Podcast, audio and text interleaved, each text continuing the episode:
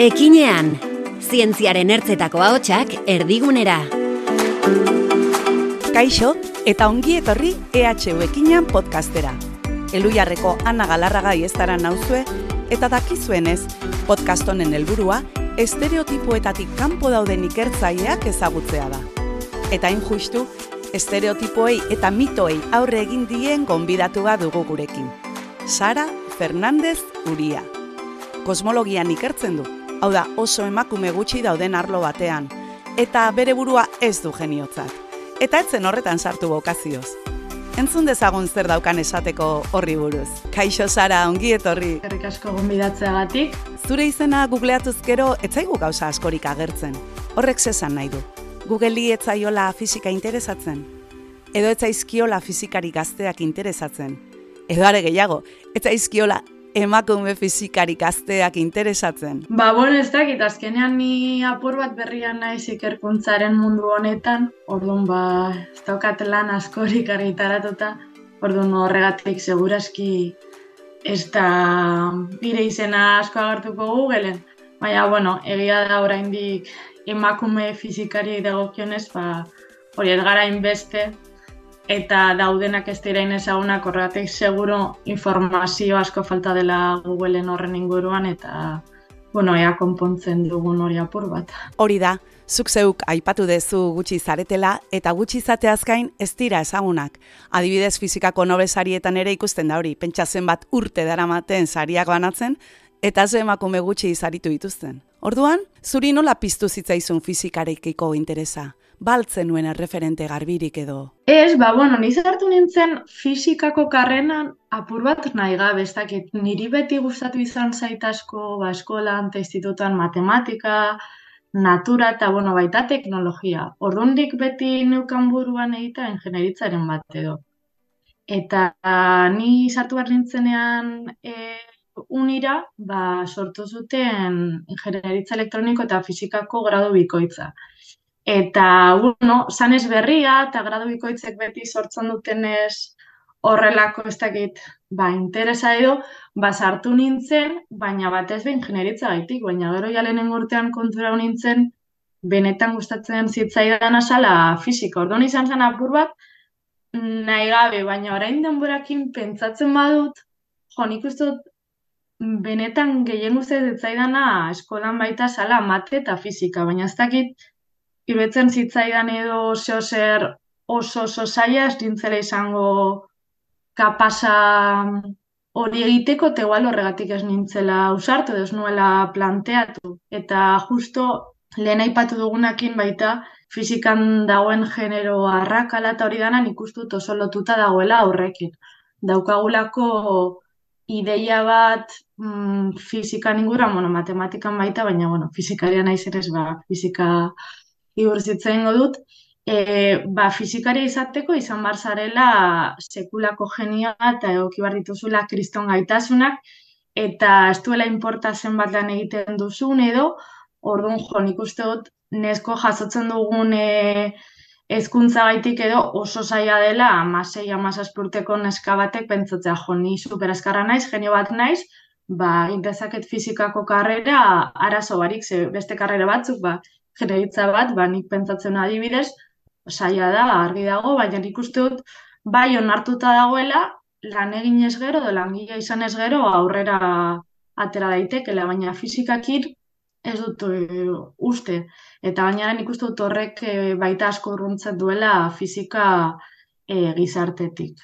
Horrela, ba, oso mitifikatuta dagoelako zeo zer ulergaitz bezala. Eta zukala ere aurrera egin zenuen? Zer bultzatu zintuen? Zer zineztarazi zizun? Nik bai, nik honetarako balio dut eta gainera gustatu egiten zait. Ba, izan zen hori, sartu nintzelako hori, apurra nahi gabe eta gero nintzen ikusten. Bueno, ba, karreran gauza kari nintzela gainditzen eta hori dana, eta apur bat, mm, ez dakit gehiagiz pentsatzea eta ikastea eta gero bai, jaben karreran sartuta konturatu nintzen horretaz, jendea karreran zela, ni bezalako oso normala ezinela izan behar horrelako geniorik. Eta baita karreran aipatu behar dut oso giro zegoela eta denon artean asko laguntzen ginen, eta horrek ere ba, asko lagundu zuen e, hori karrera bukatzera eta fizikan baseoz ere itera. Orduan, karrera hasi aurretik ikusi zenuen genero diferentzia hori, gero ja etzenun antzeman, ez da? Alegia, kiden artian behintzat, ba, bazegoen parekotasuna. Bai, ose, argi dago karrera no asko emakume gutxago ginela, hori argi dago, baina nik behintzat karreran ez dut horrelako ezberdintasun handirik ikusi tratu aldetik, ez ezer, edo... Bai, ose, behintzat karreran ez daukat inolako e, kexarik horren inguruan. Eta horrela iritsi ziren kosmologiara. Ze, claro, fizika izan daiteke materialen fizika, eta hori badago gertuago ingeniaritzatik eta zuk hasieran zenuen ideia horretatik edo, ezta? Baina kosmologia? Ba, bueno, ba, nik beti ite du gauzak apur bat e, gehiagi pentsatu eta azkenengo kurtzan, bueno, nik karreran zehar jabaneukan argi guztez hitzaidala bat ez fizika teorikoa. Eta orduan, aukeratu behar genuen grau mailerako lana, ba, egin nun nire irakasle batek, indala orain nire tesi zuzendaria, e, ba, berak eman zigulako ba, horrelako ikasgai oso teoriko bat. Eta hitz egin nun berarekin, ba, grau mailerako lan bat egitek, baina berez ez neukan idei askorik e, akosmologia edo, bueno, fizika teorikoko zeo zer egin nahi nun, oso matematikoa. Eta egin nuen horren inguruko gramerako lan bat, eta ba, asko gustatu zitzaidan eta gero proposatu zidan berarekin e, doktoretza tesi egitea eta pues holan bukatu nun, baina esan izan edo bokazioak deituriko zeo zer edo ez da ba sobre la marcha bur bat. Ez orduan izarrei begira egotea gustatzen zitzaizula eta horren atzean zer dagoen eta zer legek agintzen duten jakin nahi zenuela edo. Ez, ez, ez, eta horrekin aprobetzatuko eta aukera esateko, bokazioa ez tala mm, guztiz beharrezko, hau da.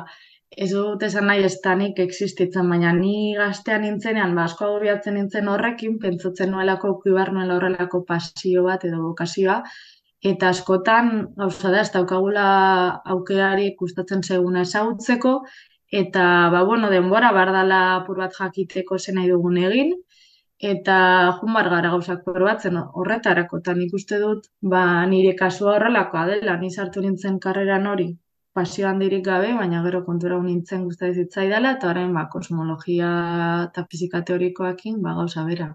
Aizu zara, mito bat bestearen atzetik deseira ikitzen ari zara, eh? Genioarena, bokazioena... Ea horrela animatzen da jende gehiago ba, fizika ikastera edo edo bintzate ikertzera horren inguruan. Ba, Google, eh, edo nahi duzuna. Earki, eta zertan zabiltza ikertzen orain? Ba, bueno, nik ikertzen dudan arloa, eitzen da gravitazio kuantikoa, dela gutxi gora bera gravitatea eta e, fizika kuantikoa ustartzen saiatzea, eta, bueno, e, oso interesgarria irutzen zen niri bintzat, ze, e, bueno, gravitazio alde batetik erabiltzen dugu batez ere eskala handiko eta mas handiko ba, fenomenoak asaltzeko, adibidez planeten igidura eta bar, eta bestalde mekanika kuantikoa daukagu ba, eskala txikiko fisika deskribatzeko, ba, elektroi bat zelan egitzen da adibidez.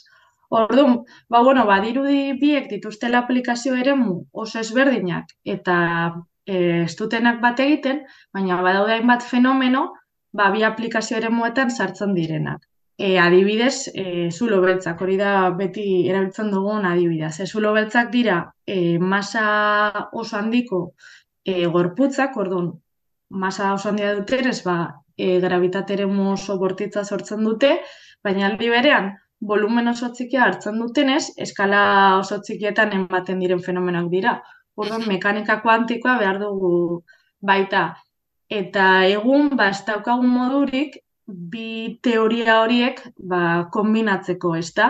Ba, oinarri oso ezberdinetan e, planteatuta daudelako. E, eta horren erruz, ba, ezin ditugu horrelako fenomeno komunak, ba, zulo betzak bezala, ba, guztiz eskribatu. Eta, bueno, hori da, esan daiteke nire ikerkuntza arloa gero askoz espezifikoagoa da, baina, bueno, jendeak eh, apur bat ulertu dezan, ba, hori. Ba benetan apasionantea iruditzen zaizerio. Eta ja bukatzen juteko, Zertan ikusten duzu zure burua etorkizun labur edo ertain batera? Zure ikerketan sakontzen jarraituko duzu edo ja egin dezu nahikoa eta nahiago dezu beste zerbait probatu? Ez, ez, ez, niri ikerkuntzazko gustatzen zait eta e, nahiko nuke jarraitza, baina zelan ikusten duan etorkizuna bagaizki, ze e, ikerkuntzan mundua oso oso prekarioa da, oso zaila da egonkortzea eta jende askok naiz ta pila bat gustoko izan ikerkuntza eta egiten dutena, ba utzi egiten du, ba oso zaila delako mm, lan on bat duin bat lortzea. Orduan, ba, bueno, niri geratzen zait urte bete beka bukatzeko, eta orain hasi beharko nintzateke ba, postdoc bat, ba, lan postdoktoral bat bilatzen. Baina, bueno, horrek eskatzen du batzerrira joatea bi urtez, gero beste bi urtez beste herrialde batera, eta, bueno, mm, sekulako sistema eta bizitza oso prekarioa da.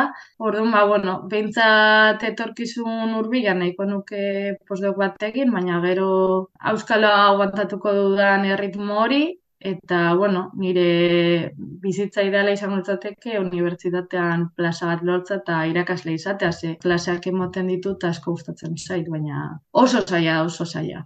Ba bai, tamalezala da. Ea sortean daukazun, gure aleti behintzat onena opa dizugu. Eskerrik asko gurekin egoteagatik eta zure bizipena kontatzeagatik. Zorte hon. Eskerrik asko. Eta eskerrik asko zuri ere, entzule hori, Zara Fernandez zuria eta bion arteko solasaldia jarraitzeagatik. Datorre milean, ekinean dabilen beste ikertzaile bat ezagutuko dugu, EHU ekinean podcastean. Bitartean, ondo bizi. Ekinean, Euskal Herriko Unibertsitatearen ikerkuntza gizartean zabaltzeko zuzendaritzak, zientzia eta gizarte garapenaren eta transferentziaren arloko errektore ordetza eta eluiarrek ekoitzitako podcasta.